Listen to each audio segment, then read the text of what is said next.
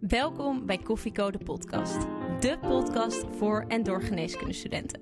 Waarbij wij, gewapend met een kop koffie, voor jou op pad gaan om interviews af te nemen met de leukste, interessantste en meest inspirerende artsen van Nederland.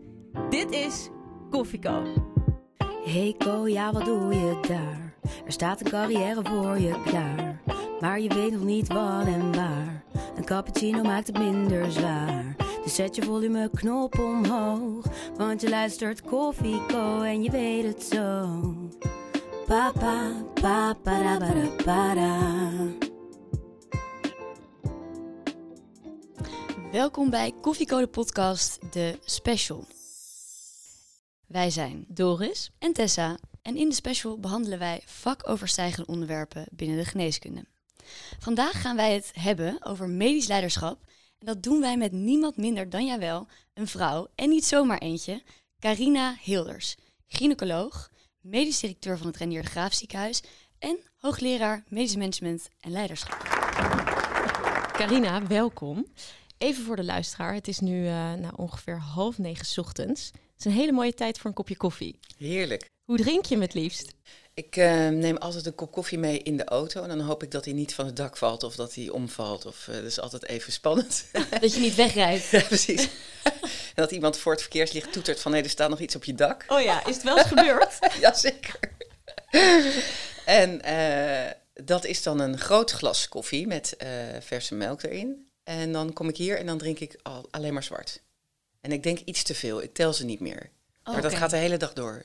Dus Wat elke keer veel komt. dan? Ja, ik, ik denk, ik heb elke half uur een afspraak. Ik denk, elke half uur komt Sanne weer binnen en zegt van, goh, wil je wat drinken? En dan zeg ik ja. En dan denk ik, ja, ik denk dat ik echt wel 10, 20 kop koffie per dag drink. Maar ben je dan niet de hele dag aan het stuiteren en, en, en aan? Nee. Ja, ik ben wel aan. Ja, absoluut. maar dat moet ook wel, ja. Het komt niet alleen door die koffie, denk ik. Nee, nee, nee. Je kan dit alleen goed doen als je aanstaat. En dan bedoel ik dat je bij elk gesprek wat je voert, ook al is het één keer in het half uur, elke keer weer iemand anders. Ja, het is eigenlijk een beetje als poli doen. Hè? Dat je elke keer als er een nieuwe patiënt binnenkomt, dat je echt oprechte aandacht hebt voor diegene die bij je, bij je is. En eh, als je dat op een goede manier doet, dan krijg je daar ook de meeste energie van. Dus dan ben je ook aan. Dus echt in dat moment oprechte aandacht en verbinding maken met iemand. En ja, die, die mensen wisselen zich hier echt af met allerlei soorten onderwerpen. Dat gaat alle kanten op. Maar dat is ook juist het leuke van eh, wat ik nu doe. En ja, dus als iemand hier aan tafel zit, dan is de eerste vraag: hoe gaat het met je? En dan is het ook echt gemeend. Want mensen voelen dat, of je het meent of niet. En ja, ik merk bij mezelf, als ik echt oprechte aandacht aan iemand geef en echt in het oprechte gesprek zit, ook al is dat kort, dan krijg je daar wel energie van. Dus ik sta wel de hele dag aan. Ja. Zowel op de poli als hier in de kamer van de medisch directeur Ja. staat u aan. Ja, mooi. En die valt nooit een keertje in slaap tijdens een saaie meeting. Dat u denkt, nou, nu Ja, ik een dat beetje is weg. absoluut mijn, eh, mijn pijnpunt. En voor anderen denk ik ook. Ja, nee, congressen waar, waar ik wakker moet blijven, dat is echt een uitdaging. Nou, en dan denk ik dat ik immuun geworden ben voor die koffie inmiddels. Oh ja. Dus dat is wel jammer. Dus ik zoek wel naar manieren om, om goed wakker te blijven. Vertel eens, is er Plant, een plant in de kamer. Ik dacht, ik moet gewoon meer zuurstof hebben. dus zo zoek ik naar dingen. En ja, ook dat ik met mijn secretaresses laatst over had van... joh, ik, ik wil dat niet, hè, dat ik wegdommel of zo met de lunchdip of zo. Dus geen koolhydraten meer overdag. Oké. Want ik dacht, van dat brood word ik gewoon suf. Dus dat doe ik niet meer. De after lunch dip. Ja, Ja. ja. Killing. Ja. heb ik ook altijd. U bent hier vandaag om met ons co-assistenten te praten over management en medisch leiderschap. Twee onderwerpen die u zich helemaal eigen heeft gemaakt. Ehm, ben je eigenlijk een geboren leider? Ja, ik denk het wel. En dat klinkt heel raar. En ik, ik wil ook niet, absoluut niet dat dat arrogant klinkt of eh, zelf ingenomen. Maar als ik kijk naar ja, hoe ik mijn leven heb ingevuld, en dat is ja, van het ene moment in het andere, is dat gelopen hè, zoals het gaat. En ook de momenten en de kansen gegrepen die op je pad komen. Ik denk dat dat ook heel belangrijk is om daar bewust mee om te gaan. Maar ben ik wel altijd in een leiderschapsrol geweest. Als je kijkt naar bijvoorbeeld schooltijd, nou, dat gaat wel heel ver terug, maar studententijd ook. En eh, ja, ook daarna in de vervolgopleiding en eh, nu waar ik nu zit. En geef eens een, een voorbeeldje uit die jonge jaren, waaruit dat al bleek. Ja, dan ga ik even terug naar de studententijd. Ehm, Dat was uh, bijvoorbeeld voorzitter, of, of hoe noem je dat? Prezes van uh, de Lustrumcommissie van uh, Minerva aan Leiden. En um, ja, andere dingen die ik daar gedaan heb, altijd in die hoofdrol, in die leiderschapsrol. En ik merk ook dat ik dat nu bij de dingen die ik doe, um, ja, die rol pas met beste. Op een goede manier, denk ik. Want het gaat niet om mij, maar het gaat wel om uh, waar ik invulling aan kan geven en mijn ideeën in kwijt kan. En dat ik richting kan aangeven en echt een, ja, een leiderschapsrol aanneem waar ik me het beste bij voel. Dus het is wel een grappige vraag. Want ja, ik, ik denk dat dat toch wel. Uh, ik word best wel eens gevraagd voor andere functies. Uh, maar als het dan niet de voorzittersrol is, dan sla ik hem af. ja, het is echt zo. Want ja. je voelt zich eigenlijk dus het prettigst in die leidende rol. Ja, ja. En ik denk, hè, dat, het gaat bij leiderschap niet over die apenrots dat jij vertelt hoe het moet. Echt helemaal niet. Het gaat juist over verbinding, over het voelen wat de organisatie nodig heeft. En die organisatie zijn de mensen. Dus wat hebben die mensen nodig om zo goed mogelijk hun werk te kunnen doen? Dus we hebben in het Reinier de Graaf vanaf 2018 gezegd, de medewerker staat hier nummer één. En dat is best wel uitdagend, want elk ziekenhuis zegt de patiënt staat centraal. Maar dat is best een statement, ja. Het is best een statement. Ik sta dan uh, één keer per maand op de zeepkist, letterlijk een houten zeepkistje hier in de, in de organisatie. Nu door corona even niet, maar ja, en dan staat die zaal echt vol met, met echt wel een paar honderd man. Krijgen ze allemaal een broodje kroket, want dat uh, is ook mijn verslaving. en um, ja, toen heb ik op dat moment gezegd, vanaf nu staat de medewerker hier nummer één. Met de uitleg, als die medewerker goed in zijn vel zit, kan die ook de beste zorg leveren aan die patiënt. En daar heb je ook weer die oprechte aandacht en die energie. Dus als ik smiddags hier op mijn kamer zit te kijken uit het raam en dan kom, zie je de mensen, ja, je ziet de mensen komen s ochtends en ook weer naar huis gaan smiddags, kijk ik heel vaak hoe lopen ze erbij. Want dat zegt heel veel over ja, hoe zit iemand in zijn energie. En hoe, hoe uh, kan je als organisatie dat het beste ondersteunen. Bent u heel observerend? Zo klinkt het wel. Ja, ja. Maar dat probeer ik steeds meer te doen. Want ik geloof dat dat wel goed is om mezelf steeds meer aan te leren. Want ik ben er nog niet altijd goed in. En misschien vrouwen, als je kijkt naar het verschil tussen man en vrouw in een vergadering, dan uh, zijn vrouwen vaak te direct. En zo van, nou, ik ga het gewoon zeggen, kan mij het schelen. En toen ik begon als uh, directievoorzitter, ik had natuurlijk nul ervaring. Maar weet ik nog wel dat een van de eerste vergaderingen, ik dacht, nou, ik gooi het gewoon op tafel. Dus heel direct ook gezegd wat ik ervan vond. En dan heeft iedereen zoiets van, wow, wat gebeurt hier? En dan denk je, nou, dit heeft effect. Maar nee. Maar nou, toen wel. Maar de tweede keer al minder en de derde keer al helemaal niet meer. Oh, ja. dus, dus je merkt gewoon dat te direct, en dat is een beetje aan vrouwen gerelateerd, uh, is niet altijd handig. Je kan beter proberen even te kijken, oké, okay, wat gebeurt hier? En dat probeer ik steeds meer met mezelf te doen. Dat ik even achterover ga zitten, letterlijk in de stoelleuning. Dat je even rondkijkt aan die tafel van wat is hier nou aan de hand? En dat je even gewoon moet wachten en dan misschien een rustigere interventie kan doen. En ook gepaster en ook dat dat meer landt. Doen mannen dat anders? Ja, mannen zijn in vergaderingen echt anders. Ik heb daar een keer een, een korte cursus voor gevolgd. Nou, echt super. Want dan krijg je inzichten die je normaal gesproken niet zo vanzelfsprekend vindt. Maar mannen, die vallen elkaar in een vergadering nooit af. En vrouwen, ja, die zijn heel direct. Dus die zeggen Ja. van, nou ja, hoezo, weet ik het wat. En mannen die doen dat in een vergadering niet. Maar na de vergadering of voor de vergadering gaan ze wel even sparren.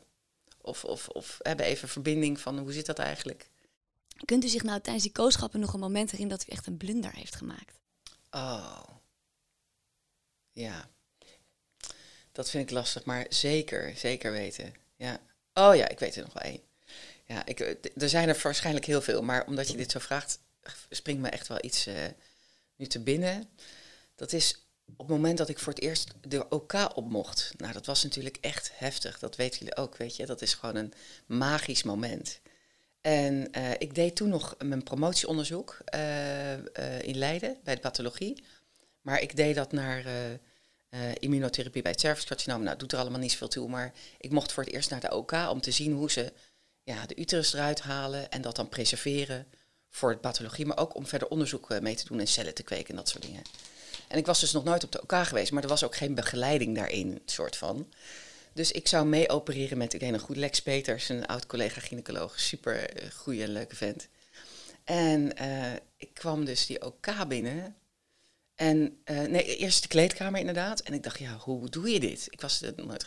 Dus dat pak ging over mijn dikke winterbroek.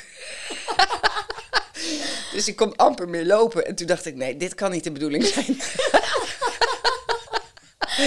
dus toen ontdekte ik zelf een beetje van, oké, nee, dat moet dus allemaal uit. En dan dat pak aan. Ja, het klinkt echt te bizar, maar zo was dat echt. En toen kwam ik dus binnen met dat mondkapje en dat uh, mutsje op. Echt voor het allereerst in die OK. Nou, die wasruimte, want ze hadden wel gezegd OK2, daar ben ik. En ik loop zo OK2 binnen en daar staat een man zijn handen te wassen. En toen zei ik, um, goedemorgen, mag ik even wat vragen? Is dit uh, de OK waar Lex Peters gaat uh, opereren? Nou, je voelt het aankomen. Toen zei ja, dat ben ik. dus dat was echt totaal gewoon. Echt dat ik dacht, oh, verschrikkelijk. Oh, ja. Dus dat, dat vergeet je ook nooit meer. Ja. ja die eerste keren op elkaar. Ja, dat is een hele aparte wereld. Ja, het is een aparte wereld. Het is gewoon echt, ja, daar moet je je regels kennen. Voelde je daar ook direct thuis? Nou, niet helemaal Nou, dus. niet helemaal dus. En, maar ja, ik vind de OK heerlijk. Dus als ik nu wel eens gewoon als directievoorzitter naar de OK ga... want het is echt wel een beetje een apart wereldje... ja, dan staan mijn klompen daar nog. En ja, dan voel ik gewoon, ik mis dit. Om gewoon lekker te opereren. En die hele setting van de hele dag op OK. En het is ook leuk, want de OK-medewerkers spreek je dan ook aan. Want die ken je gewoon van vroeger van dag en nacht daar van alles doen, klussen en gewoon druk bezig zijn met elkaar. Want dat is natuurlijk gewoon heel intensief altijd, meestal. Ja. En uh, toen zei ze, ja, we kunnen nog herinneren, want ik droeg altijd zwarte klompen. Want ik heb wel iets met, uh, ik zou ooit wel eens boerin willen worden. Als ik dacht van, nou, ik, ik word geen gynaecoloog, dan word ik boerin. Dus ik heb uh, toen zwarte klompen, want dat dragen die boeren ook. Zijn die stoere zwarte klompen. Met van die dikke wollen sokken erin. En dat was altijd mijn OK-setting. Outfit. Dat was echt mijn OK-outfit. Van die dikke ja, sokken. Ja. ja, in de kern ben jij ben je dokter, uh, Carina. Ja. Maar je bent, nu zit je tegenover ons als medisch leider. Ja. Of in ieder geval als directeur van het Reinier de Graaf ziekenhuis. Hoe is die omswitch gegaan? Ja, dat is best wel uh, raar verlopen eigenlijk. En dat is een beetje wat ik zei, van er komen kansen voorbij in je leven en probeer die te zien. Maar bij mij is het wel zo gegaan, als er kansen voorbij komen, dan pak ik ze meestal. Mm, toen ik hier in Trainier Graaf begon als gynaecoloog, was ik nog niet opgenomen in de vakgroep, dat kwam pas uh, daarna. Maar na, na een jaar of zo dat ik hier zat, echt heel kort, vroegen ze mij als voorzitter medische staf. Nou, dat is best wel uitzonderlijk, want ik kende eigenlijk de organisatie nauwelijks, laat staan alle mensen twee keer drie jaar stafvoorzitter werd ik uh, medisch directeur naast de directeur die er toen was. Jaap van der Heuvel, echt een supergoeie vent, enorme bewondering voor. En uh, ik werkte naast hem als medisch directeur een nieuwe functie in het ziekenhuis. En uh, toen waren wij op een reis naar Suriname. Hele intensieve week. En wij zaten vrijdagavond aan een glas wijn. Ik zei, ja Karine, ik wil je eigenlijk de hele week wel iets vertellen, maar ik ga het Reinier verlaten. Nou, dat was echt een shock voor mij, want dat had ik totaal niet zien aankomen. En hij ging ook niet na een paar maanden weg, maar echt ongeveer de week daarna is hij gewoon letterlijk de deur uitgerend. En toen zat de organisatie zonder bestuur. Dus de organisatie keek naar mij, want ik was al part-time medisch directeur. Dus de Raad van Toezicht die kwam naar me toe en die zei: Carina, wil jij die functie overnemen?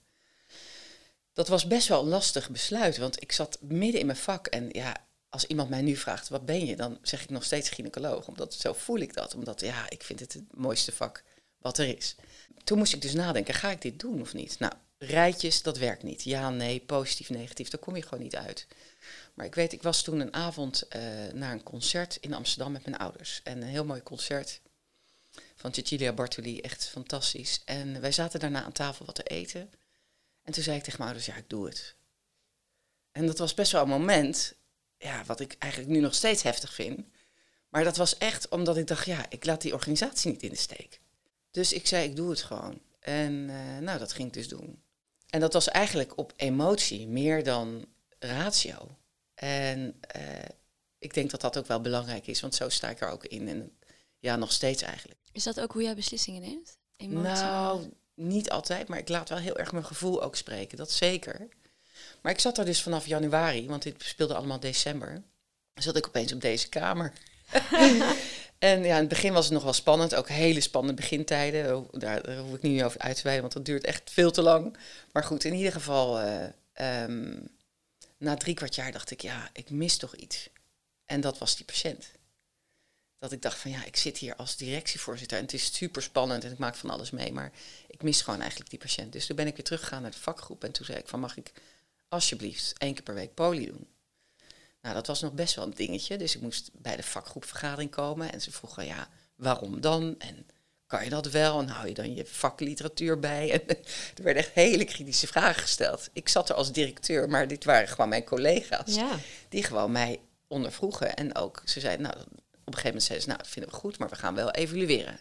En na een paar maanden of het goed gaat. Nou ja, prima. En ehm, nou, zo geschieden. Dus ik kon weer poli gaan doen. Dus elke woensdagochtend, nu dus niet, maar doe ik poli. En eh, dat geeft me zoveel energie. Want dan kan ik weer die witte jas aan doen. De eerste keer was het echt wel vreemd. En zagen mensen mij lopen. Dachten zo van, hè? Maar ik ben heel blij dat ik dat doe. Dus elke week zie ik gewoon patiënten. En dat zijn eerste consulten. En daarna verwijs ik ze door of zie ik ze één of twee keer terug. Maar dan heb je echt de verbinding met de kern van de organisatie. En dat, ja, dat is voor mij zo essentieel. Dat je vanuit deze kamer weet waar het om gaat. Want ik denk dat heel veel bestuurders, als ze op die kamer opgesloten blijven ja, denken dat het heel goed gaat in die organisatie zonder dat ze weten waar het eigenlijk om gaat. En dat is gewoon heel belangrijk. Voordat we daar diep op ingaan, want dat gaan we zo zeker doen, uh, vonden wij het een goed idee om misschien even terug te gaan naar de basis. In onze studie komt het namelijk nauwelijks aan bod. Um, kunt u ons misschien uitleggen hoe de bedrijfscultuur of hoe de organisatie eigenlijk van een ziekenhuis nou eigenlijk is?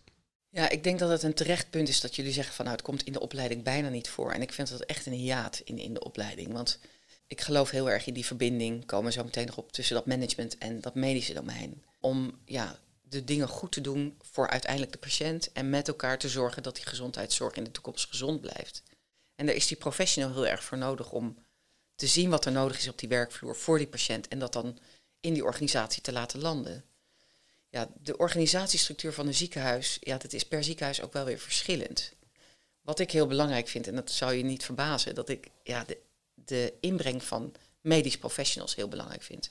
Niet alleen medisch specialisten, maar ook verpleegkundig. Dus verpleegkundig leiderschap vind ik ook heel belangrijk. De organisatie. Dus op essentiële uh, posities in de organisatie hebben we nu een manager en een dokter. En die twee uh, vormen dan ja, die positie, die invulling van die positie. Omdat ik het belangrijk vind om die verbinding tussen dat medische domein en dat managementdomein te hebben. En dat zie je ook echt in de organisatie. Dus er is daardoor veel meer begrip voor elkaars vakgebied. Er is veel meer transparantie en er is veel meer diepgang in het analyseren van bijvoorbeeld getallen. Het ziekenhuis wordt dus bestuurd door zowel dokters als managers. Hoe ziet die structuur er precies uit? Wat zijn de verschillende lagen van organisatie? Ja, het is grappig dat je dat vraagt, want het is voor mij zo vanzelfsprekend. Maar ik ga het inderdaad van, van bovenin naar beneden ga ik het, uh, ga jullie meenemen. Er is altijd een raad van toezicht. Die raad van toezicht houdt een toezichthoudende rol. En die is dus heel beperkt in die zin dat zij gaan niet meebesturen. Dat, dat is de valkuil van toezichthouders. Daar heb je wel reguliere besprekingen mee, waarbij je ook je verantwoording moet afleggen voor de financiële cijfers, voor de kwaliteitsuitkomsten. En dat zijn reguliere vergaderingen met meestal een man of vijf, zes.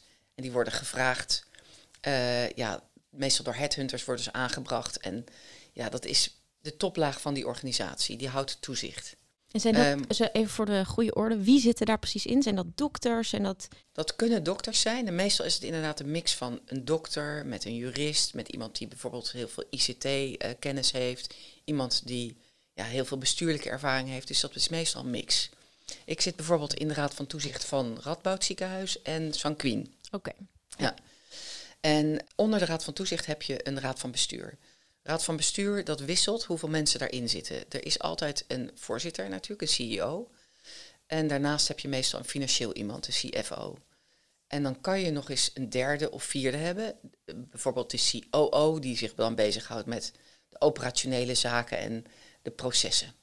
Dat is meestal iets standaards, dus twee of drie met bepaalde taakverdeling. Wat je ook kan hebben, is dat in de raad van bestuur ook een medisch specialist uh, meebestuurt. Dat heb je in sommige organisaties ook. Dat hebben wij hier niet zozeer direct. Maar ik ben natuurlijk wel de vertegenwoordiger van de medisch specialisten in de raad van bestuur. En naast mij zit een uh, financiële man die zich veel meer met de bedrijfsvoering en de getallen bezighoudt. En daarnaast heb je het bestuur medische staf. Die staan eigenlijk op dezelfde hoogte als je het zou uittekenen als raad van bestuur. Dat is een aparte entiteit die ook zijn eigen ja, bevoegdheden heeft. En dat zijn de vrijgevestigde medisch specialisten meestal. In een coöperatief. Bij ons zitten loondienst en vrijgevestigd medisch specialisten bij elkaar. Maatschap is dat, hè? Maatschap en ook loondienstspecialisten, die zitten bij elkaar in het medisch specialistisch coöperatief. Zit daar van elk specialisme één iemand vertegenwoordigd? In het bestuur niet, maar onder het bestuur zit de algemene ledenvergadering en Oh. daar zijn alle medisch specialisten in Oké, vertegenwoordigd. nou we Ja. gaan te snel. Ja, dus Ja, precies. Ja. En het bestuur is meestal samengesteld eh vier, vijf of zes mensen. Die eh, leiden eigenlijk de medische staf. En die zijn in principe zelfstandig. Dus je moet zorgen als raad van bestuur dat je altijd een hele goede band hebt met jouw medische staf en jouw medisch specialistisch coöperatief. Omdat je heel erg samen moet optrekken. Want de belangen van de dokter zijn ook de belangen van het ziekenhuis en andersom. Een dokter heeft er heel veel, is er heel erg bij gebaat als hij in een financieel gezond ziekenhuis werkt. Dan kan hij wat extra dingen doen en zijn er meer dingen mogelijk. De directie is er heel erg bij gebaat dat ze werken met supergoeie specialisten die ja, innovatief zijn, maar ook ja, kwalitatief gewoon goed werk leveren.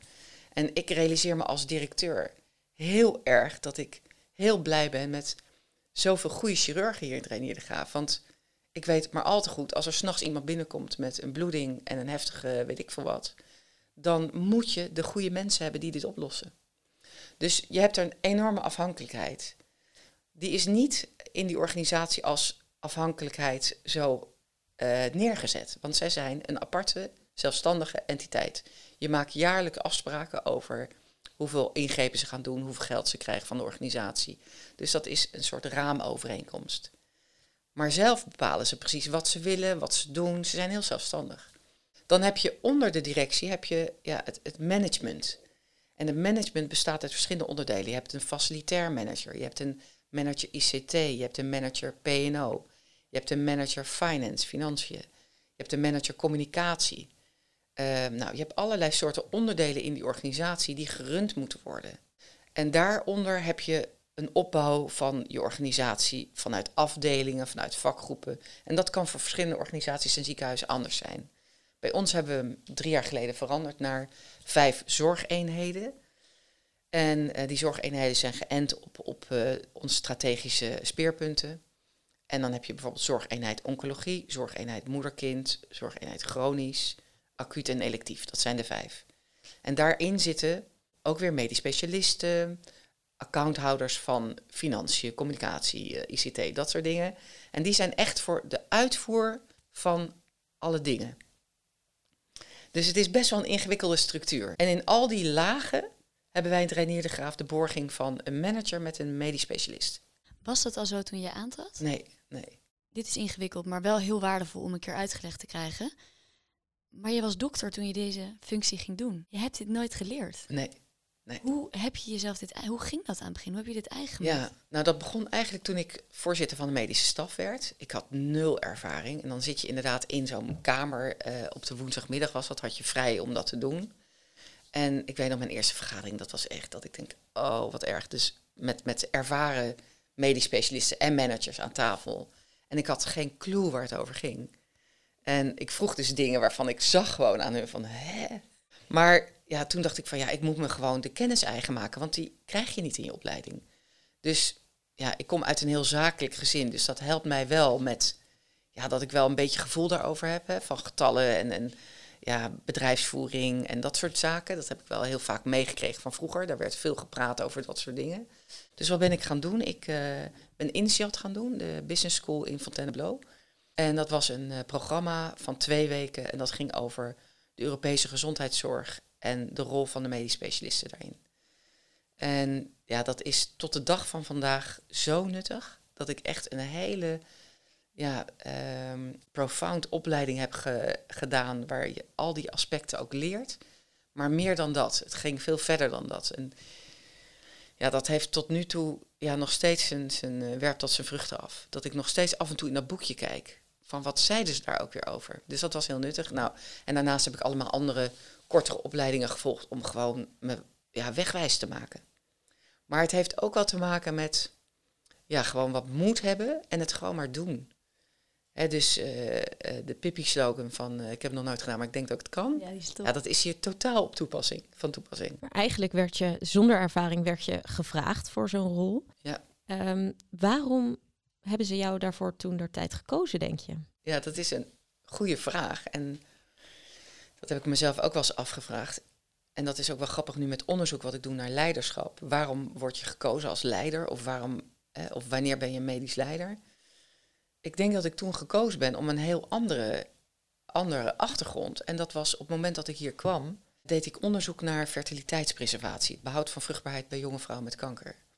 En daar hadden we net een wereldwijde doorbraak, want we hadden een ovarium getransplanteerd in de arm. En dat, ja, dat was internationaal echt nieuws. Ja, dat, is, dat wordt zichtbaar voor de organisatie. En dan denken dokters van, nou, die moet wel heel goed zijn. Terwijl dat niks met elkaar te maken heeft. En ik denk dat dat in uh, het medisch leiderschap en ja, de peers, hoe kijken ze tegen je aan? Dat is heel vaak, gaat het over, uh, ben jij een goede dokter? En als jij een goede dokter bent, dan word je al snel gezien als medisch leider. Dus dat heeft heel erg met de vakinhoud te maken, dan dat jij heel veel weet van management. En het heeft te maken met ja, betrouwbaar en voorspelbaar zijn. Ik denk dat dat ook een hele belangrijke is tussen collega's. Dat als zij weten van nee, die is altijd, ja, die, die luistert altijd, of die kan, het, kan vaak de dingen toch regelen, of die krijgt het voor elkaar. En als je nou eens een aantal competenties zou noemen van een, van een goede leider, wat, komt er dan in je op? Ja, dan denk ik dat ik met name op die zachte as ga zitten.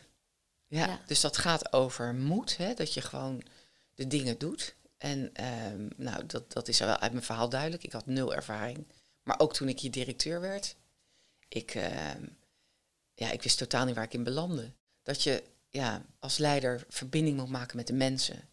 Oprechte aandacht. Uh, voorspelbaar zijn. Empathisch, uh, compassie kunnen tonen. Echt luisteren je kwetsbaar durven opstellen, ook een hele belangrijke. Dus ook af en toe zeggen, jongens, ik weet echt niet hoe dit moet. Je hebt volgens mij heel veel verschillende leiderschapsstijlen. Hoe zou u dus uw stijl omschrijven? Ja, authentiek. Ja, dus ik ben echt mezelf als ik in deze positie zit. En ik denk dat dat ook het prettigste is voor jezelf. Want dan kan je gewoon ja, jezelf blijven, ook al ben je in verschillende rollen. Dat is denk ik heel belangrijk, want je houdt het niet vol om, om ja, iets, iets neer te zetten wat je eigenlijk niet bent. Dat kost je heel veel energie. En uh, mensen voelen dat ook. dus als ik, uh, je merkte net toen ik het had over die keuze die ik gemaakt had, daar zit emotie. Uh, als ik wel eens op de zeepkist sta, en dan begin ik meestal met iets wat me in de organisatie is opgevallen, ja, dan komt er ook wel eens echt emotie. En dat voelen mensen, maar ja, dan voelen ze ook die betrokkenheid en die oprechtheid. Kun je een voorbeeld geven van, van een emotie die er op een zeepkistavond is uitgekomen? Ja, dat was een heftige situatie die te maken had met de verloskunde. En daar sta ik natuurlijk dichterbij omdat ik het vak heel goed ken. En dat was niet goed gegaan. En uh, ja, die, dat kindje was overleden op de OK. En uh, wat het indrukwekkende was, dat als je terugkeek naar de tijd die ertussen zat en hoe mensen dat hadden opgevangen en wie er allemaal bij betrokken waren geweest, was het echt ja, waanzinnig indrukwekkend verlopen. Hè, binnen weet ik het, 10 minuten, 15 minuten was alles gewoon gedaan. Maar het was niet gelukt. Ja, dat is gewoon heftig. En dan realiseer je hoe heftig die situatie is. En dat is ook goed als voorzitter van zo'n organisatie, dat je inleeft in de situatie. En dat is fijn als je als medisch specialist die situatie ook kent of zelf hebt meegemaakt. Als dokter moet je eigenlijk, want jij bent nu duidelijk de leider, hè, medisch directeur, maar als dokter moet je eigenlijk best wel vaak een leidende rol aannemen. In de spreekkamer met patiënten moet je vaak de leiding houden over het gesprek. Uh, met co-assistenten of artsassistenten die met je meelopen, ben je ook een leider. Um, wat zijn nou dingen die je hebt geleerd in deze leiderschapsrol, die je andere dokters ja, echt zou willen meegeven om in die leiderrol zich thuis te voelen?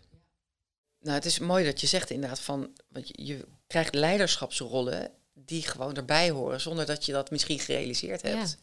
En voor mij was een heel belangrijk moment dat ik echt kan herinneren. Op het moment dat je dus specialist bent en je komt in zo'n vakgroep en je gaat voor het eerst dienst doen. En dan zeggen de collega's wel van, joh, bel als er iets aan de hand is, moet je echt doen.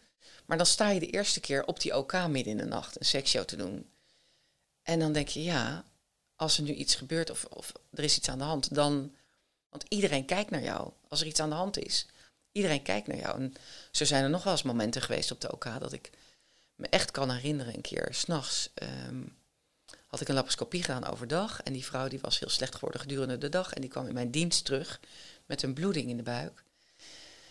Ja, en dat zijn momenten dat je denkt van, eh, dus die kwam echt heel slecht binnen. Dus meteen mediane incisie, die buik vol met bloed en stolsels. Dat ik me realiseerde, ja, dit ga ik niet alleen oplossen. Dus ook in die leiderschapsrol die je dan hebt, gewoon eigenlijk onbesproken, ben jij de leider op die OK, moet je ook heel goed ehm, ja, ook je kwetsbaarheid je realiseren en ook jouw uh, positie ook kunnen relativeren of in ieder geval kritisch zijn naar wat kan ik, wat kan ik niet. Dus want dat is een kwestie van secondes dat je denkt, oh, dit ga ik niet alleen oplossen. Dus dan, hè, ik weet nog goed, gazen, gazen, gazen, de buik vol met gazen, zelf op gaan liggen om tegendruk te geven en de vaatchirurg gebeld. Want ik dacht, ja, en dat zijn momenten dat je, ja, dat is leiderschap. Uh, maar op een hele andere manier dus leiderschap gaat niet over hiërarchie. Leiderschap gaat over je bewustzijn van wat kan ik en wat kan ik niet. En als je dat wil aanleren, dan, dan, dan kan dat natuurlijk altijd. Hè? Bepaalde managementvaardigheden of, of dat soort dingen. Maar ik denk dat het allerbelangrijkste is als we het hebben over leiderschap, is het gevoel hebben dat je zelf in de regie bent. Dat is echt wezenlijk belangrijk. Voor je eigen balans, uh, voor ja, je rol die je inneemt, ja, dat je je niet laat leiden door allemaal dingen extern die iets vinden van iets, eh, wat, je, iets wat je moet doen, terwijl je denkt van ja, daar wordt die patiënt echt niet beter van. Eh, dus probeer zelf in de regie te blijven. Dat geeft je ook de meeste energie. Ik merk bij mezelf is dat het aller, allerbelangrijkste. Ja. Dat is eigenlijk de basis van leiderschap. Dus eigenlijk is, is iedereen een leider. En zeker wat jullie net zeiden, zeker in het beroep als medisch specialist ja, heb je zoveel leiderschapsrollen, maar op een andere manier. Hè, in die spreekkamer met die patiënt heb je een leiderschapsrol, maar die vul je weer heel anders in dan dat je ehm, ja, met de co-assistent zit te praten of ehm, op die OK. Dus het is ook goed om je daarvan bewust te zijn. Ja, bewust en eigenlijk met respect mee om te gaan. Dat is het een beetje. Toch zijn er ook mensen die minder geboren leider zijn of minder die leiderschapskwaliteiten hebben, die ook graag goede dokters ja. willen zijn of zijn ja, zijn er tips om daar, om daar echt mee aan de slag te gaan? Ja, ik denk dat het belangrijkste is dat je jezelf leert kennen. En dat is niet van het ene op een andere moment klaar, want dat duurt je hele leven. Elke dag heb ik wel weer momenten van reflectie dat ik denk, ja, dit ging goed of niet goed. Of nou, het is misschien beter als ik zus of zo doe. Ook af en toe een coach hebben waarmee je praat. Hè. Dat heb ik zelf ook. Dat is echt super nuttig. Iemand die reflecteert op jouw handelen eigenlijk en op jouw persoon. En wat ik aanraad, en dat klinkt dan vaag misschien, maar dat is gewoon jezelf leren kennen. Geeft dit me energie? Dat is de goede vraag. Word ik hier blij van? En waarom niet? bijvoorbeeld bepaalde mensen die, die jou gewoon een rotgevoel geven of die energy draining zijn. Of bepaalde situaties die je moet doen waarvan je denkt van ja, je krijgt geen energie van.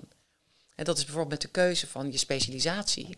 Zeg ik altijd, ja, kies de specialisatie waar jij het meeste energie van krijgt. Of er nu wel of geen plaatsen beschikbaar zijn, of veel concurrentie, of ja, van alles kan je bedenken met een keuze voor een specialisatie of richting. Maar kies gewoon waar jij het meeste energie van krijgt. Want dat is denk ik het, het meest belangrijk. Dan hou je het ook vol, dan zit je er goed in, dan kan je je talenten benutten op de beste manier. Ik wil weer even terug naar de organisatie Het Ziekenhuis. Wat ik me namelijk afvraag, het is een enorme organisatie. En soms hoor ik wel eens in de wandelgangen van, ja, ik zou wel iets willen veranderen. Dan heeft iemand iets, een medisch specialist bijvoorbeeld iets opgemerkt en die wil ja, die wil een verandering maken, maar dat gaat toch zo traag en langzaam. En dan moet je de hele organisatie meekrijgen. Hoe doet u dat? Ja, het is inderdaad wel, daar zit wel een, uh, een faseverschil in, zeg maar. Want de dokter is gewend als hij patiënt ziet, uh, wil die via een DD wil die naar een diagnose, diagnostiek inzetten, behandelplan na de diagnose. En dat gaat stap, stap, stap. En dat gaat vrij snel vaak. Heel concreet. En uh, nou, je bent zelf in de regie vaak, met, samen met die patiënt.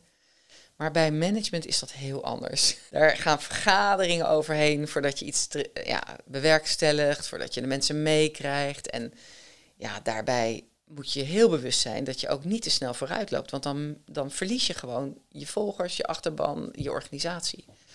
En dat heb ik bijvoorbeeld op INSEAD wel geleerd. Van als je iets wil veranderen, zijn er eigenlijk twee dingen essentieel. Baseer je eh, verandering op feiten dus als je zegt van nou, ik wil dit anders, dan moet je weten hoe het nu is. Want dan moet je ook kunnen aantonen hoe het na die verandering is. En dat klinkt als een open deur, maar dat vaak wordt het verandering gebaseerd op op veronderstellingen. Maar het is heel belangrijk om te weten ook, wat is het nu dan? Hoe doen we het nu dan? En eh, om dan ook goed te weten waar die verandering naartoe heeft geleid. En het tweede belangrijke is, neem de mensen die erover moeten gaan of gaan, neem die vanaf het begin mee. Dus we noemen dat fair process. Dus als je iets in de organisatie wil veranderen wat de dokters aangaat of de patiënt aangaat, neem die dokter vanaf het begin mee in dat veranderproces. En daar gaan managers wel eens de fout in. Dat ze denken, nou, dat regelen we, dat gaan we organiseren en alles wordt al gedaan. En oh ja, we moeten nog even vragen wat de dokter daarvan vindt. Ja, dan gaat het vaak niet goed. Want die voelt zich gepasseerd en die zegt Ja. van, hoezo? Vinden wij he- helemaal geen goed idee eigenlijk. Dat is weer het samenwerken van managers en dokters. Ja. Ja. En de combinatie van die twee, dat dat juist zo belangrijk is. Ja. Je hoort ook wel eens dokters klagen van, nou, er is weer een nieuwe manager aangesteld hoor, van buitenaf.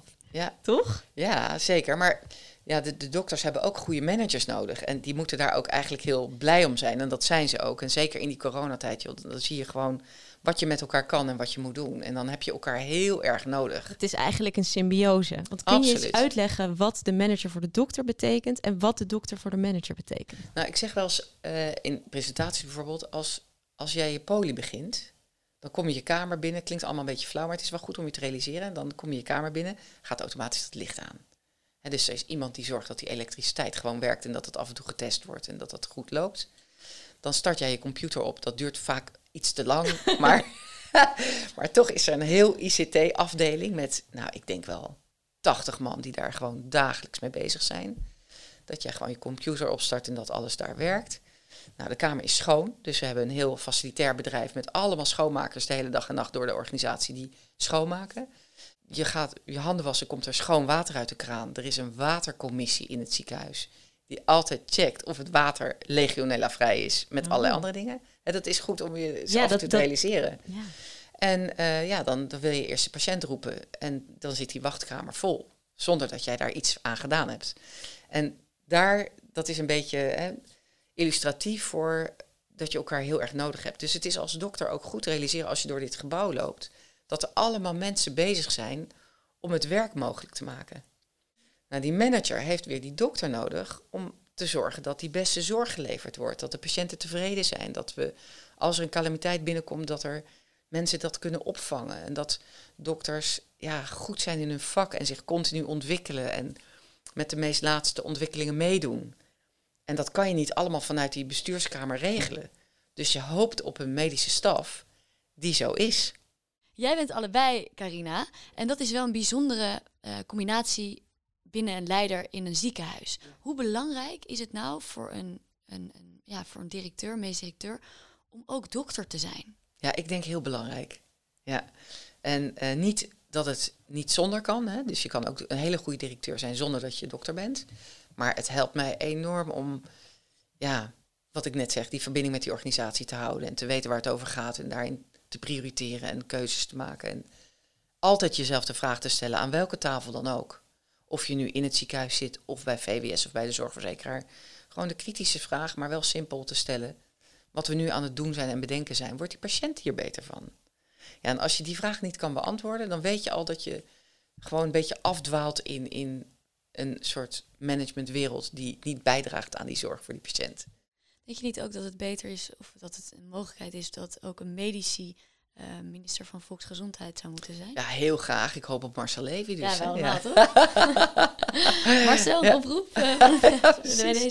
Ja. Ik- Nee, ik- want we hadden ook Els Borst, hè, eh, Ja. natuurlijk jaren geleden. En die heeft echt wel hele goede dingen neergezet. En Ja. over, over medisch leiders gesproken, dan is Marcel Levy zeker ook een naam die, die opkomt.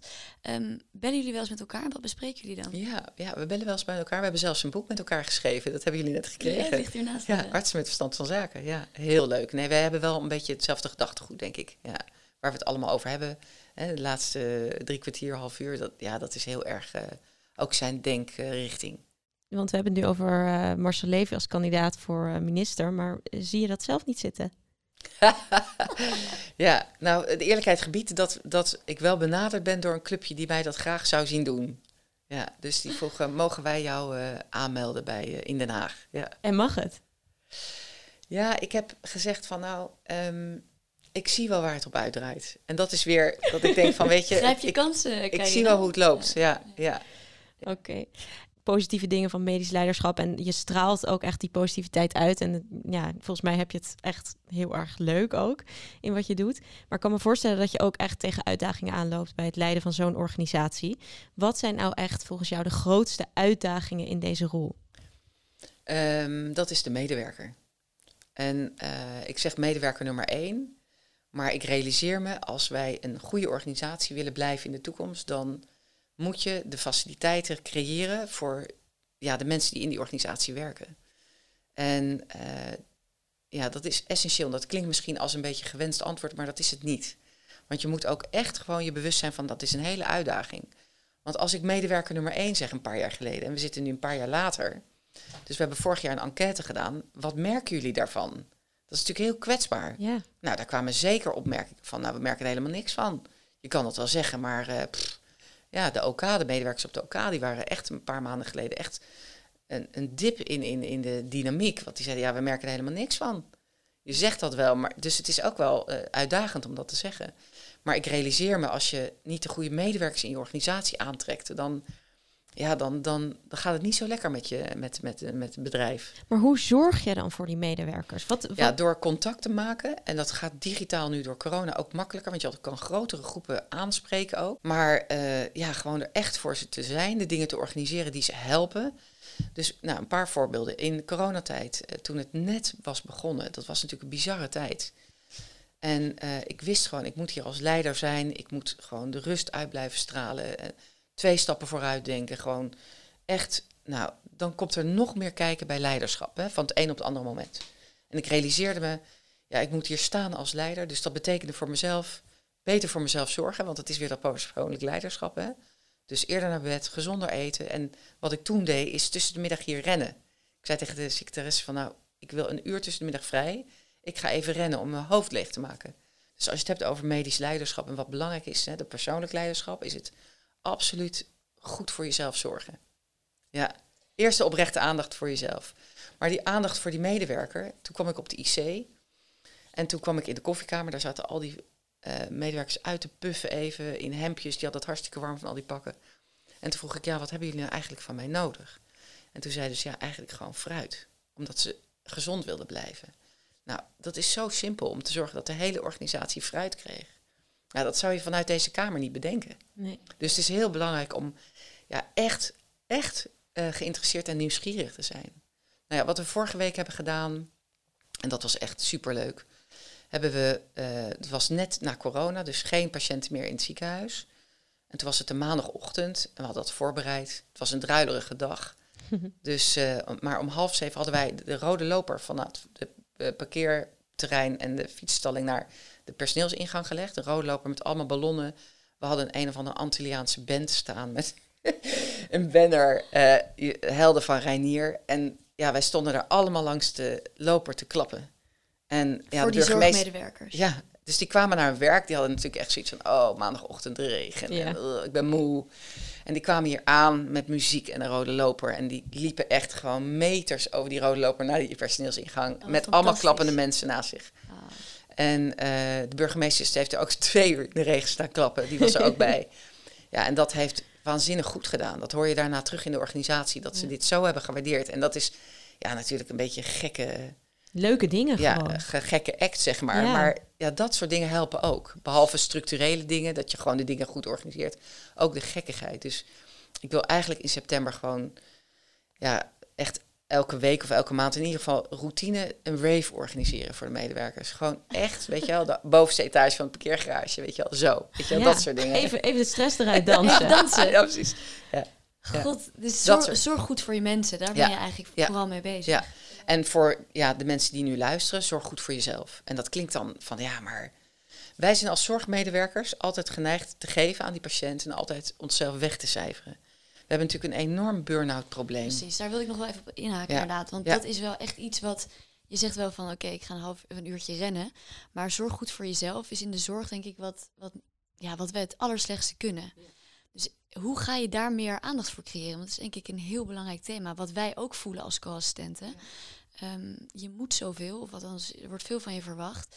Hoe kunnen mensen dat inbouwen? Ja, Nou, er zijn wel bepaalde tips voor van hè, ga op een bepaalde manier met je, met, je tijd om. Of uh, zorg dat je wat afstand houdt, dat je niet overal ingezogen wordt. Zorg dat je zelf je regie houdt. Hè, dat je het gevoel hebt van nee, ik ga hierover. Heel belangrijk. Want er liggen natuurlijk allemaal dingen op de loer dat je van alles moet. Dat je geen tijd hebt. Dat je als een kip zonder kop aan de grond te rennen bent. Ja, dan gaat het niet goed. Dus in regie blijven zeggen, jongens, dit is het voor nu. En zorgen dat je in de tijd die jij zelf kan indelen ook zorgt voor jezelf. Dus ja, inderdaad, ja, het klinkt uh, als een inkopper, maar gewoon gezond eten. Uh, ja, voldoende slapen, dat komt bij mij niet altijd goed. Uh, ook momenten van rust creëren. En dat kan op allerlei ma manieren. Maar dat je elke dag eigenlijk even een moment van reflectie hebt. Dat je even nadenkt, god, deed ik de goede dingen vandaag? Wat heeft mij energie gegeven, wat niet? Dat zijn hele belangrijke dingen.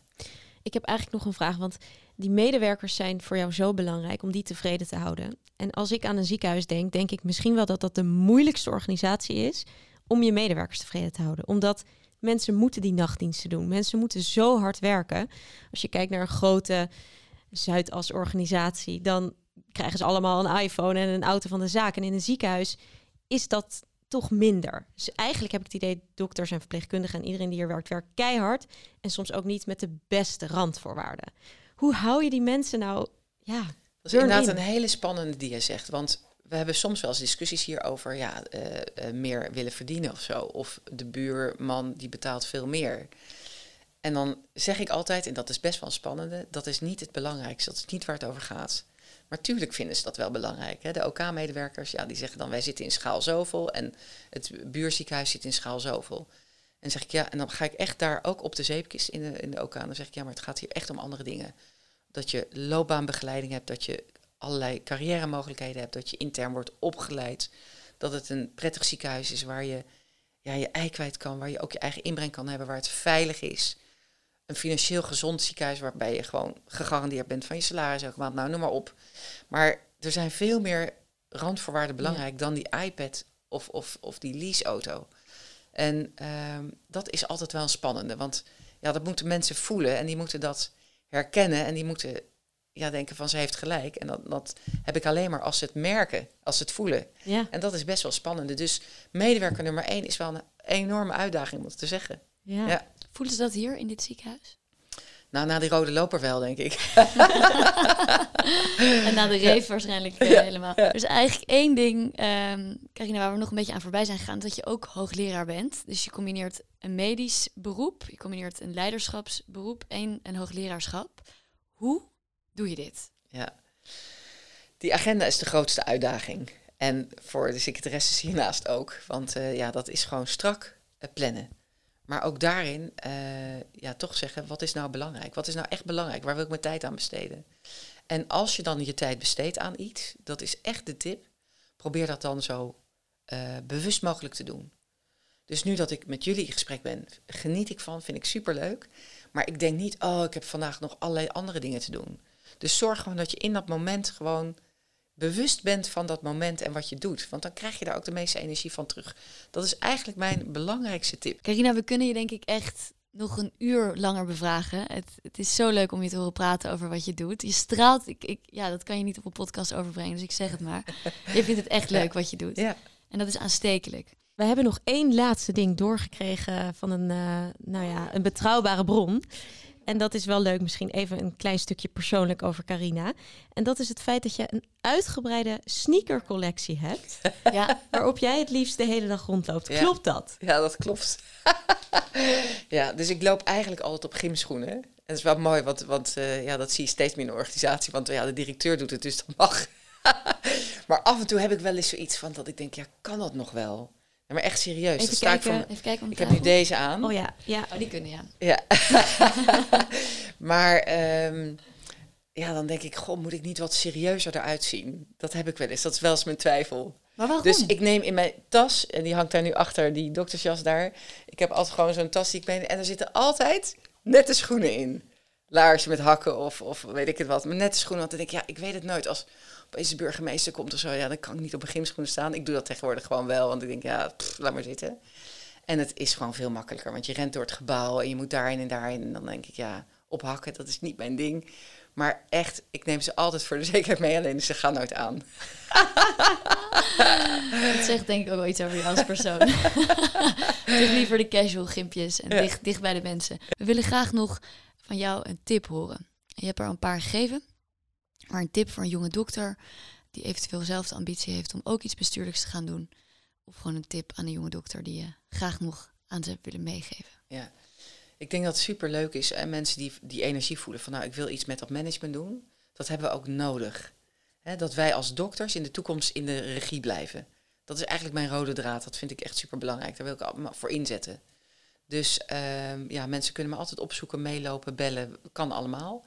Om gewoon je wat meer eh, eigen te maken. En te bedenken, oké, vind ik dit wat?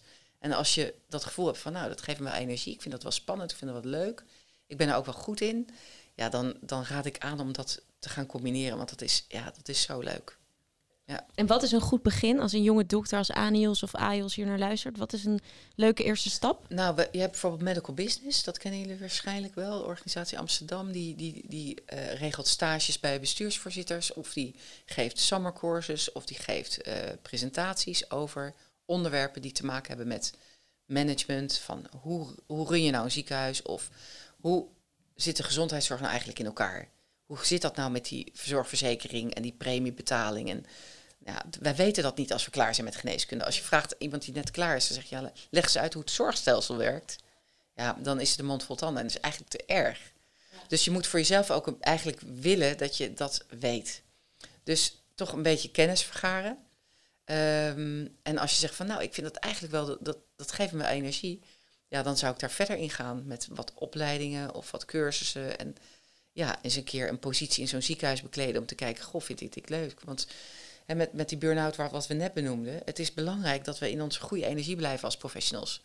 En dat is met name ook zorgen dat we bepalend blijven in zijn organisatie, in de gezondheidszorg, voor die patiënt de beste dingen kunnen blijven doen.